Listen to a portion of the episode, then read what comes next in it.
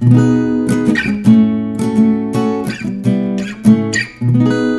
erg welkom bij de Gifted People podcast. En vandaag heb ik een hele leuke gast in de uitzending, namelijk Severine. En zij richt zich op hoogsensitieve mensen. En voordat ik heel veel over haar ga vertellen, is het misschien fijner als je van haar hoort wat ze doet. Dus Severine, kun jij wat meer vertellen over wat je doet, voor wie en waarom? Ja, dat kan ik zeker. En dat is ook heel fijn om, uh, om, mij, dat even aan jou uh, publiek te mogen, mogen toelichten. Um, ik ben uh, Severine van der Voorde. Ik ben uh, ondertussen... Uh, ik ben geboren in 1980, dat is misschien het gemakkelijkst. um, ik ben dokter in de psychologie en ik werk als klinisch psycholoog en coach in mijn eigen praktijk. Um, mijn expertises zijn stress, veerkracht, burn-out, maar ook hoogsensitiviteit. En daar is nu net mijn laatste boek ook over verschenen. Ik heb een boek geschreven van stress naar veerkracht. En nu de opvolger is hoogsensitief omgaan met stress. Uh, dus dan gaan we eigenlijk gaan inzoomen op wat het hoogsensitieve brein nodig heeft om stress te gaan transformeren in veerkracht. Waardoor dat we natuurlijk met veel meer rust, plezier en energie kunnen in het leven staan. Mooi. En dat brengt me gelijk natuurlijk ook op de vraag, want je richt je op hoogsensitieve mensen. Wat, wat betekent het voor jou om hoogsensitief te zijn? Dus eh, hoe zie je dat en wat kenmerkt dat zich? Er zijn eigenlijk, want er is natuurlijk heel wat geschreven al over hoogsensitiviteit. Er zijn ook heel veel verwarringen rond. Maar op dit moment, wat we vanuit de, vanuit wetenschappelijke literatuur en breinonderzoek weten, is dat hoogsensitiviteit eigenlijk gekenmerkt wordt door drie hoofdeigenschappen, die dus samen moeten aanwezig zijn. Het is niet voldoende om maar één van de kenmerken te hebben. En het eerste kenmerk is dat uh, er meer prikkels verwerkt worden dan gemiddeld, dan iemand die, geen sensitief brein heeft. Dat er dus veel meer nuances, subtiliteiten worden opgepikt. Um, dat gaat over de zintuigen, maar dat gaat ook over emoties, over sociale signalen. Er is een zeer sterke intuïtie, een zeer sterke empathie ook. Hè. Als je natuurlijk heel goed de kleine subtiele dingen kan vatten, dan, dan zie je ook in de gezichtsuitdrukkingen en in het non-verbale gedrag van mensen veel meer dan iemand anders. Dus dat is het eerste kenmerk. Meer prikkels die verwerkt worden, meer subtiliteiten. Het tweede kenmerk is dat die informatie, dus die meer informatie die binnenkomt, dat die ook veel diepgaander wordt verwerkt. Dus op een complexer, uh, gedetailleerder, um, diepgaander level eigenlijk. Omdat er verschillende hersengebieden tegelijkertijd aan het werk gaan. En dat zorgt ervoor dat informatie op verschillende niveaus wordt verwerkt. Um, en het resultaat daarvan in het gedrag is dat dat mensen zijn die heel veel linken leggen tussen informatie, uh, die heel veel uh, bezig zijn met de context, hè, die het totale plaatje ook altijd zien. Dus vanuit de eerste eigenschap zie je heel veel details. De tweede eigenschap zorgt ervoor dat je ook het brede plaatje kan, kan te pakken krijgen. Dus je gaat echt heel snel gaan uitzoomen en overzicht hebben, waardoor dat je natuurlijk um, ja, veel dingen gaat opmerken die anderen gewoon ontgaan, omdat zij die linken niet leggen. Um, en dan een derde eigenschap die er ook moet bijkomen, is een zeer sterke sociale gerichtheid. Mensen die hoogsensitief zijn, die zetten echt de groep op de eerste plaats. Die gaan echt altijd gaan kijken van niet alleen wat is voor mij een goede oplossing, maar ook wat is voor anderen een goede oplossing en voor de groep als geheel. En dat kan zijn de maatschappij, dat kan zijn het gezin, dat kan zijn het bedrijf waarvoor je werkt. Dus um, er is, wordt altijd gekeken naar de optimale optie, de, de, de optie die voor iedereen het meest opportun is. Hm. Dus het is niet voldoende van bijvoorbeeld alleen maar prikkelgevoelig te zijn, alleen maar veel meer details op te pikken. Het is echt ook die diepgaande verwerking en die sociale gerichtheid die samen aanwezig moeten zijn om van hoogsensitiviteit te kunnen spreken. Ja, dus we moeten alle drie er zijn en dan kun je uh, jezelf herkennen in hoogsensitiviteit. Ja, dat is zo. Mooi. En uh, we hadden natuurlijk in de voorbespreking al even over, ik richt me op hoogbegaafdheid, jij richt je op hoogsensitieve personen. Uh, we krijgen denk ik allebei heel vaak de vraag van wat is nou eigenlijk het verschil ertussen? En ik ben heel benieuwd hoe jij dat ziet. Hè? Dus ik heb mijn eigen visie erop, maar ik ben ook benieuwd hoe jij dat zou omschrijven. Wat voor mij hoogbegaafdheid is, is inderdaad gewoon de, een van de basisvoorwaarden is ook de, de, de sensitiviteit. Ik denk dat je um, heel veel linken moet kunnen leggen om, om, om hoogbegaafd te kunnen zijn. Ook ik denk het grote verschil is de snelheid. Uh, de snelheid van, van uh, verwerking. En ik denk dat hoogbegaafde mensen nog intenser zijn. Hm. En dat het complexer is, uh, complexer denken. Hè. Snelheid is vooral belangrijk, denk ik. Hè, want de associaties leggen, dat, zie, dat zien we bij hoogsensitieve mensen en hoogbegaafde mensen. Alleen hoogbegaafde uh, personen, bij hen zijn die linken nog veel sneller. Dat, dat denken gaat veel sneller en dat overzicht krijgen gaat veel sneller. En de manier van analyseren is volgens mij ook complexer. Ja. dus eigenlijk, ja, voor mij is de basisvoorwaarde hoogsensitiviteit En dan daarbovenop heb je dan ook door de, door de hogere intelligentie, onder andere uiteraard, en de complexiteit van denkprocessen, dat het sneller gaat en complexer is. Ja. Zo is hoe, de, hoe, hoe ik er naar kijk. Ja, mooi. En ik zat ook te bedenken, want uh, voor mij is de hoopgaafde de optelling van anders intent en snel, waarbij snel echt kenmerkt is voor hoopgaafdheid. Alleen soms ja. vergissen we ons erin dat alles dan snel gaat. Hè? Dus we hebben soms wel in ons hoofd dat die snelle denkprocessen er zijn, maar dat betekent niet altijd dat je snel met een antwoord komt. Dus het is ook wel Mhm. belangrijk om bij jezelf te bemerken dat het er niet om gaat dat alles in je hoofd altijd snel gaat en dat je snel met een antwoord komt, snel met een oplossing komt. Want soms ben je juist heel veel dingen in je hoofd aan het doen, wat gewoon even tijd nodig heeft. Dus ook al ben je dan wel sneller dan andere mensen, dat uit zich niet altijd in de fysieke wereld meteen. En dat vind ik altijd wel een belangrijk onderscheid om mee te geven, omdat ik ook vaak hoor bij mensen dat ze bij hoopgaafde dat ze juist heel lang nodig hebben voor iets. En dan denk ik, oh, maar dan kan ik dus niet hoopgaaf zijn. Terwijl het gaat echt om die snelheid waarmee het in je, in je mooie bovenkamer gebeurt. Ja, en dat is, denk ik dan inderdaad waar dat de gelijkenis zit ook. Um, dat die diepgaande verwerking ervoor zorgt dat er meer tijd nodig is om alles uh, een plek te geven. Hè. En, en hoe meer dat je natuurlijk oppikt en hoe diepgaander dat de verwerking is, hoe meer tijd dat het kost. Ja. Um, dus ik denk dat dat ook wel dan, dan uh, tussen hoogbegaafdheid en hoogsensitiviteit zeker uh, de link legt. Ja. Um, ja. En zie jij ook um, het verschil tussen HB en HSP als een hele harde lijn of meer als een grijs gebied? Ja, nee. Want ik, ik, zie heel veel hoogsensitieve mensen die minstens meer begaafd zijn. En niet altijd per se hoogbegaafd, maar die zeker uh, wel een, een, serieuze complexiteit aankunnen. En daar ook, allee, ook heel veel meer stilstaan bij, bij de wereld en uh, bij, bij, bij wereldproblemen. Dus ja, ik vind het een hele moeilijke lijn. Soms zie je het heel helder dat je denkt van, ah, maar oké, okay, dat is hier heel snel op. Dat is wel echt heel, heel goed ingepikt op de dingen. Maar, maar meestal is het wel een grijze lijn, denk ik. Ja. ik zie, mijn, mijn cliënteel is ook echt wel um, de minstens meer begaafde, hoogsensitieve persoon. Ja. Um, dat is precies ook iets wat ik wel aantrek ja. in, mijn, uh, in mijn coachings. Ja. ja. Mooi. Ja, Zowel, nee, nooit. Nee, je trekt altijd dezelfde nou ja, soort mensen aan. En dat is ook logisch, want je straalt natuurlijk iets uit en je zit zelf op een bepaalde manier in de wereld. En dat, ja, dat wordt ook weer opgepakt door andere mensen. En ik vind het ook wel mooi wat je beschrijft. En daar vraag ik er zo specifiek aan uh, naar, omdat heel veel mensen denken dat het wel een harde lijn is. Of je bent dit, of je bent dat. En je bent alleen dit als je aan deze kenmerken voldoet, of als je deze intelligentie hebt, of als je uh, op deze manier naar jezelf in de spiegel kijkt. Weet je, dus het is heel belangrijk dat we ook met elkaar weten dat um, het niet zo simpel is in of je bent het een of het ander. En als je in dit vakje past, dan val je gelijk in het andere uh, stukje. Dus Mhm. Wat ik ook heel erg altijd aan mensen wil meegeven, is dat het veel meer gaat over jezelf leren kennen. Hè? Ken je blauwdruk, weet wat je nodig hebt, weet wat je wil. En of dat nou alleen maar binnen HSP valt, of dat het ook met HB te maken heeft, of dat er ook nog andere dingen bij komen. Uiteindelijk maakt het niet uit, zolang jij maar weet hoe jij aan elkaar zit en wat jij nodig hebt. Mhm. Ja, absoluut mee eens. Probeer mensen dat ook altijd uit te leggen door een, een, een, soort van visualisatie te maken, ook echt een beeld te maken dat we allemaal verschillende bollen hebben. Hè? Allemaal verschillende deeltjes in onszelf. En dan kan je bijvoorbeeld introvert zijn of extravert. En dan kan je een hogere intelligentie hebben of niet. Hè? Of gemiddeld begaafd, of meer dan gemiddeld begaafd, of zeer hoogbegaafd. Um, en dan, dan heb je dat stukje hoogsensitiviteit. En dan heb je misschien ook nog de perfectionist. En dan heb je misschien ook nog de zotte doos, zoals we dat dan zeggen. En al die kleine stukjes, of de, de sensation seeker, hè, dat heb je dan ook nog.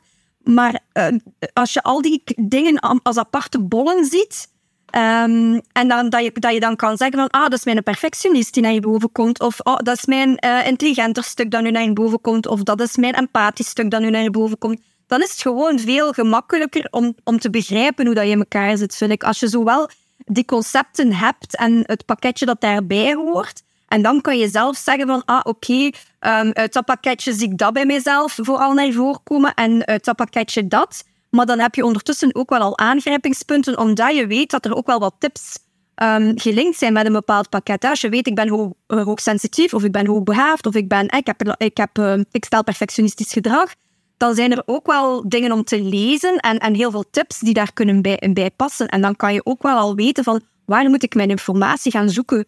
Um, en dat vind ik wel handig aan die, aan die concepten hebben. Ja. Uh, en kunnen duiden bij jezelf, omdat je Ja. dan ook weet waar Ja, dat je moet gaan zoeken om, om, om, um, om veranderingen in je leven um, te creëren op stukken waarop je op, waar, waar je op vast, vastloopt. Ja. Ja.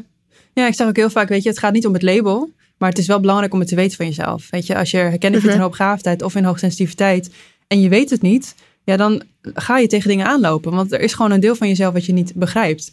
Maar dat betekent niet dat we nou uh, allemaal labels moeten gaan verzamelen. En zeker moeten weten, oh ja, ik heb dit label en uh, ik, heb, uh, ik ben hoogbegaafd of ik ben hoogsensitief.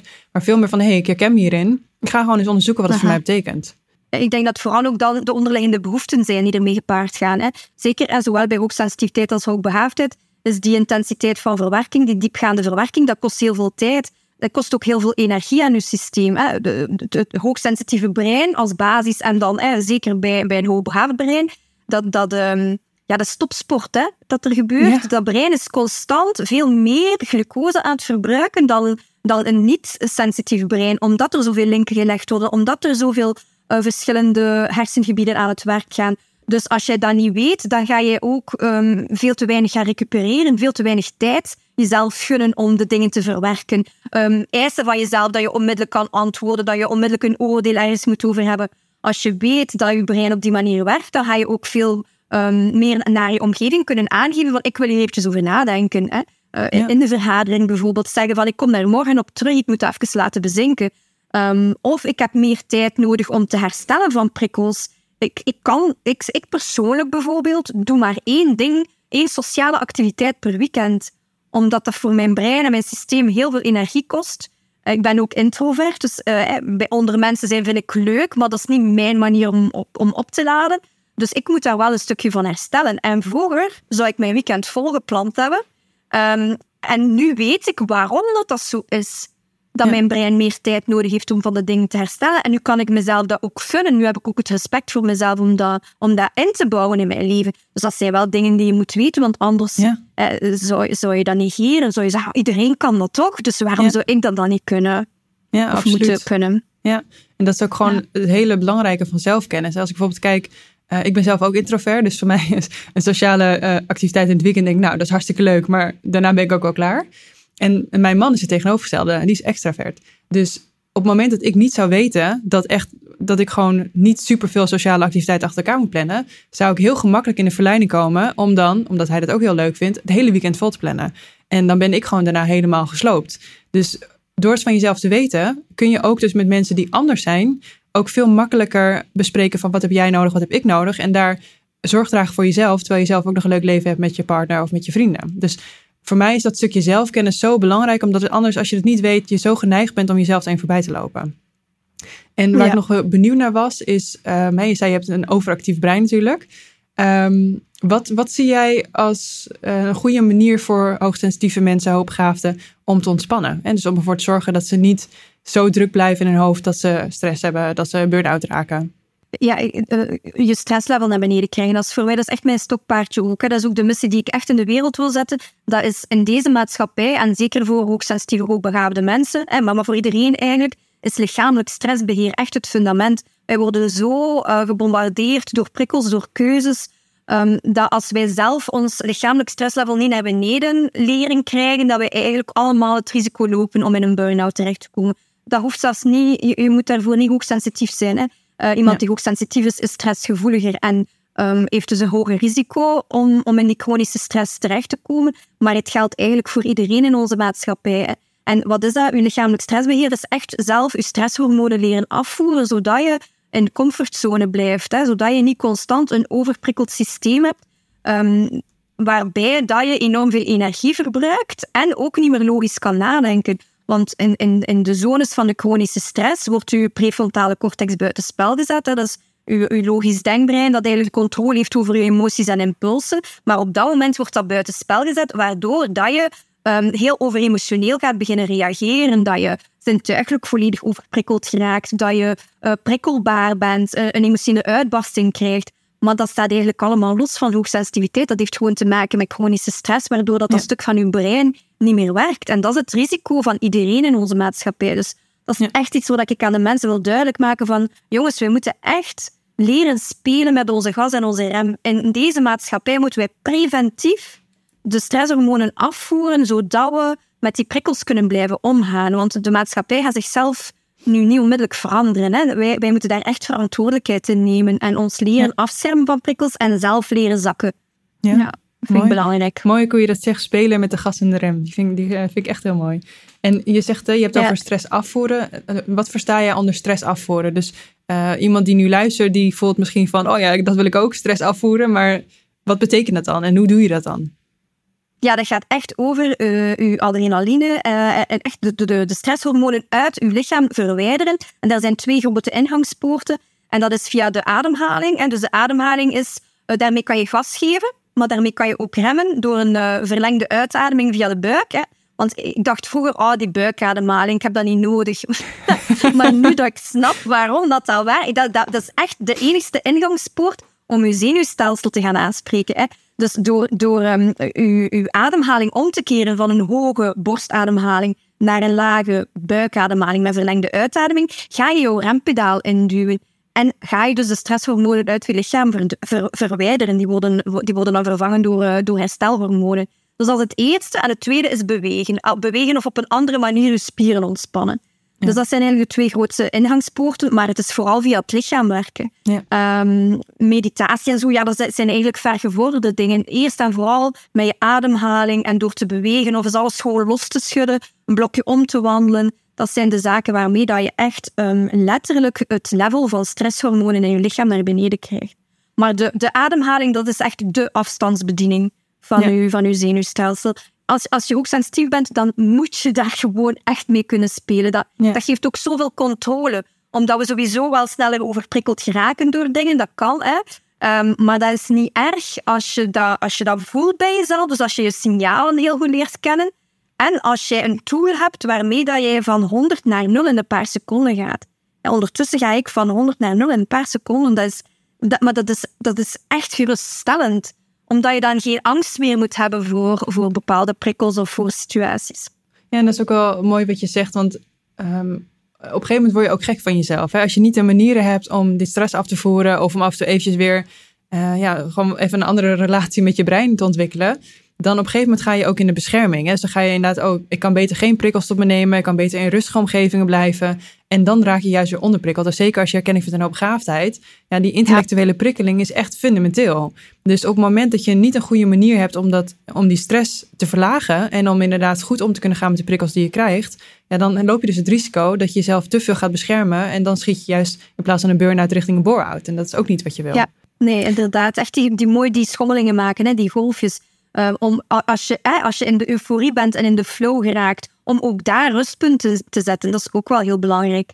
Dat je echt leert om binnen die, die, uh, die, die, die zone te, te blijven waarin dat je optimaal functioneert. Hè. Niet naar de overprikkeling, maar ook niet naar de onderprikkeling. Maar daarvoor moet je natuurlijk heel goede signalen kennen, denk één. Twee, ook de dingen die, die, jou, die jou energie geven en kosten. Hè. Ik denk dat je daar ook een heel gezicht moet op hebben. Dat je, zeker voor die onderprikkeling dan, dat je jezelf blijft uitdagen of, of gevarieerde dingen aanbiedt. Of dat je het ook gewoon um, accepteert dat jij nu gewoon misschien nu en dan iets nieuws nodig hebt. En bij mij is dat ook zo. Ik heb, ik heb sowieso om de zoveel tijd iets nieuws nodig. En ik ben geen jobhopper, maar ik ben iemand die respect heeft voor zijn eigen uh, bedrading. Dus dat is ja, wel belangrijk, denk ik, om dat te weten. Ja, dat is ook wel een interessant zijstapje. Van, hè, um, als je af en toe nieuwe dingen nodig hebt. Kijk, als je in loondienst werkt, dan kom je misschien op een gegeven moment tot de conclusie om een nieuwe baan te gaan starten. Maar als je ondernemer bent, dan is het ook interessant om te kijken hoe ga je daarmee om. Hè? In plaats van dat je elke keer weer een nieuw bedrijf bouwt, dat je er wel voor zorgt dat je geprikkeld blijft uh, op een manier die past in lijn van jouw bedrijf. Hoe, wat is voor jou een manier om daar zorg voor te dragen? Um, ja, ik, ik, heb ook natuurlijk mijn eigen bedrijf. Um, ik denk niet dat dat voor iedereen de juiste oplossing is. Ik denk ook wel dat, dat je bepaalde kwetsuren kan hebben die ervoor zorgen dat je... Hè, bijvoorbeeld, ja, dan heb je altijd eindverantwoordelijkheid. Ik vind dat superleuk. Ja, waarschijnlijk ook. Hè, dat je ja. over alles kan beslissen. Uh, maar andere mensen vinden dat misschien dan wel te bedreigend hè, om overal de eindverantwoordelijkheid in te hebben. Of om geen financiële zekerheid te hebben. Of om geen collega's te hebben om mee... Om mee um, mee te overleggen. Dus ja, inderdaad, jezelf heel goed leren kennen. Bij mij, ik bewaak, ik bewaak, ik heb, ik heb eigenlijk ook een beetje mijn partner die een soort van de bewaker is. Ja. Die soms vraagt, uh, um, heb, je, heb je ruimte genoeg? Heb je jouw jaarplan gemaakt? Uh, dus ik denk... Oh, mooi. Ik, ik, ja, en, en ik, ik heb dat zelf ondertussen ook wel goed... Um, ik, ik maak echt mijn rode draad. Er zijn zoveel dingen die ik leuk vind om te doen. Um, maar ik heb mijn missie uitgeschreven, echt van waar wil ik naartoe, wat wil ik bereiken. En dan vraag ik mij altijd af, als ik een, nieuw leuk project uh, op, op de, op, in het verschiet heb, vraag ik mij altijd af, draagt dat bij aan mijn missie waar ik me wil geraken of is het gewoon een leuk zijsprongetje? En zo kan ik echt wel heel goed selecteren wat ik wel en niet ga doen. En ik voel ondertussen ook wel heel goed aan um, waar dan mijn marge zit in mijn energielevel, waardoor dat ik ook weer dingen van mijn bord kan gooien als ik merk dat mijn energielevel begint te slinken of dat ik misschien prikkelbaarder word. Um, en dan ga ik ook onmiddellijk actie ondernemen. Dan, dan verdwijnen er gewoon dingen van mijn bord. En ik kan gewoon heel goed kiezen nu ondertussen. Ik denk dat dat heel belangrijk is, dat je leert kiezen voor de juiste, passende dingen. En niet zomaar overal ja op zegt, omdat het gewoon interessant of leuk of, uh, of dat het jou geld oplevert of roem oplevert of whatever. Uh, maar dat je echt heel bewust kiest naar uh, voor passende dingen. Hè. Ja, ik zeg ook heel vaak, het, uh, het is aan de ene kant belangrijk dat je weet wanneer je nee moet zeggen tegen anderen. Maar het is ook heel belangrijk wanneer je weet dat je weet wanneer je nee moet zeggen tegen jezelf. Hè. Dus zeker als je creatief bent, dan zijn er altijd honderd dingen die je zou kunnen doen. En dat wordt ook soms heel veel. Zeker als je denkt, oh, dit moet ik ook allemaal gaan doen. Hè. Dus uh, ik werk zelf ook met een parkeerlijst. Dus dingen die ik nu leuk vind, schrijf ik gewoon op. Dat laat ik heel even liggen. En dan ga ik inderdaad kijken van, oké, past het bij mijn missie? Uh, heb ik er de ruimte voor? Word ik hier blij van? Dus echt die tijd nemen. wat je zei ook net, respect voor je bedrading hebben. Echt nadenken, is dit, klopt dit voor mij? En echt voelen, is dit de stap die ik wil gaan zetten? En dan pas in beweging komen. Ja, dan ga je veel meer de dingen doen die echt voor jou kloppen. In plaats van dingen die ook wel leuk zijn. Maar dan aan het einde van de rit eigenlijk heel veel energie hebben gekost. Nee, klopt. Eh, ik werk ook met zo'n parkeerlijst. En meestal verdwijnen daar dingen ook weer af. Omdat ze eigenlijk op hetzelfde thema spelen. En langs de andere kant heb ik dan zo van, oké, wat is nu in deze fase van mijn leven het meest relevant om te doen en wat kan ik ook nog later? Ik wil nog heel veel muziekinstrumenten leren bespelen bijvoorbeeld, maar in plaats van er ongeduldig rond te zijn en dan nu allemaal te willen, staat dat op mijn lijst en ik weet, dat zijn perfect dingen die ik, als ik, als ik op pensioen ben, hè, zijn dat perfect dingen die ik nog kan doen dan. En misschien heb ik er dan geen zin meer in, maar ik weet, ze staan op mijn lijst en dan, moeten ze, dan, dan, dan jagen ze mij ook niet meer op. Zo. Dus ik denk dat dat wel een hele goeie is. Ja. ja, en het is ook mooi inderdaad om dat te doen met respect voor de tijd. Hè? Dus eh, zeker als je herkenning vindt een opgaaftijd en je bent gewend dat dingen snel gaan en snel moeten. Ja, dan kun je soms ook denken dat al die ideeën die je hebt, dat ze dit jaar uitgevoerd moeten worden. Terwijl als het goed is, hopelijk, heb je nog een heel leven voor je. En het is ook heel waardevol dat je dingen kunt uitzetten in de tijd. Of het nou is als ondernemer of dat je in lonies werkt, maar dat je ook gewoon het ziet als dingen om naar uit te kijken versus dingen die je nu meteen moet gaan doen ja, serieel plaatsen in plaats van parallel willen doen. Hè. Zo, zo noem ik het altijd ook naar mijn cliënten toe. Van, um, ja, kies wat je nu eerst gaat doen en daarna is er nog tijd voor het andere. Als je daar nog zo behoefte aan hebt, voor hetzelfde geld, zijn jouw behoeften allemaal ingelost met jouw één project. Dan hoef je dat tweede uh, zelfs er niet meer naast te zetten. Hè. Ja. ja. nee, dat is uh, belangrijk. Hè. Zijn er nog dingen die je uh, de luisteraars vandaag gewoon meegeven? Dus mensen die zich ofwel alleen herkennen in hoogsensitiviteit, of mensen die twijfelen of ze misschien niet hoogbegaafd zijn. Of mensen die gewoon hoogbegaafd zijn. Zijn er dingen waarvan je zegt, dit is echt belangrijk voor jou? Nee, ik denk dat ik alles wel vertel. Ik denk het, het stresssysteem kennen is het belangrijkste. Dat je, dat je jezelf echt wel uh, kan, kan, kan doen ontprikkelen. En, en uh, zoals dat jij het zo mooi zegt, je blauwdruk respecteren. Hoe meer dat je weet over jezelf, um, hoe beter je er rekening mee kan houden. Um, ja, en ook je afwijzingsgevoeligheid aanpakken. Dat is ook iets wat ik dan heel vaak zie, is dat mensen dan wel weten wat ze nodig hebben, maar niet durven uh, het voor zichzelf gaan inplannen of het durven communiceren naar anderen toe. En dat heeft vaak te maken met, met een stukje pleasing en, en ongezond perfectionisme dat daar vaak in de weg zit als copingmechanisme. Dus dat is ook zeker iets om aan te kijken als je het goed gevoel hebt van um, ik weet wel wat ik nodig heb, um, maar ik durf het niet vragen of ik durf het niet te, te, te te geven aan mezelf, van, uh, van met dat stukje dan eens aan de slag te gaan. Ja, dat dat ook wel nog een belangrijke sleutel is. Ja. ja, en er is ook zoveel meer mogelijk. En op het moment dat je bereid bent om dat te gaan ontdekken en af en toe even oncomfortabel te zijn en moeilijke gesprekken te voeren, ja, dan ga je ontdekken dat er gewoon een heel mooi leven voor je ligt waarin er ontzettend veel mogelijk is. Ja, ik denk dat hoogsensitieve, hoogbehaafde mensen enorm veel potentieel hebben om te floreren. Hè? Net omdat ze heel sensitief zijn voor de omgeving, zowel op negatief vlak als op positief vlak. Hè? Iemand um, die hoogsensitief is, die, die wordt heel sterk beïnvloed door, door een niet ondersteunende toxische omgeving. Die gaat daar veel meer van afzien dan iemand die niet hoogsensitief is. Maar het omgekeerde, en dat wordt dan differentiële susceptibiliteit genoemd, het omgekeerde is ook dat je echt kan floreren als je in een goede, warme, ondersteunende context uh, je bevindt. Dus vandaar dat het zo belangrijk is om te weten wat je nodig hebt, zodat je ook de juiste context kan gaan opzoeken, want anders loop je sowieso leeg. Uh, terwijl als je in een goede ondersteunende context zit die past bij jou, dan ben je echt in staat tot geweldige dingen. En ik denk dat dat bij ook begaafd het juist hetzelfde is. Absoluut. Ik denk dat, uh, ja. ja. En dat je echt dan tot, tot, tot ja, creatieve oplossingen, duurzame oplossingen kan komen. Ehm, die anderen gewoon niet zien, omdat zij die linken allemaal niet leggen en niet dat totaalplaatje niet zien.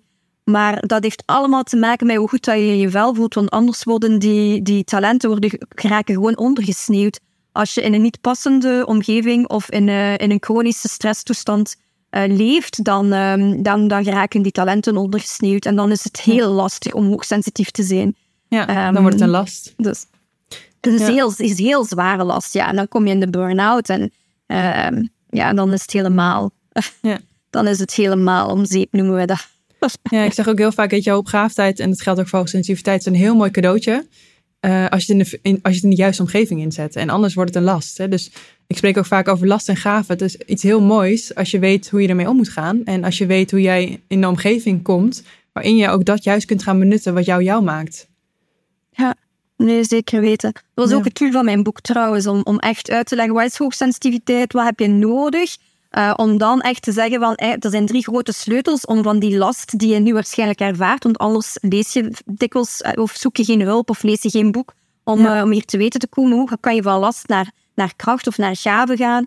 En dat is echt drie sleutels, dat zijn stressbeheer, energiebeheer en passende omgeving. Dat ja. zijn voor mij de drie grootste sleutels om, um, om van hoogsensitiviteit echt een plezier te maken. Mooi, dankjewel.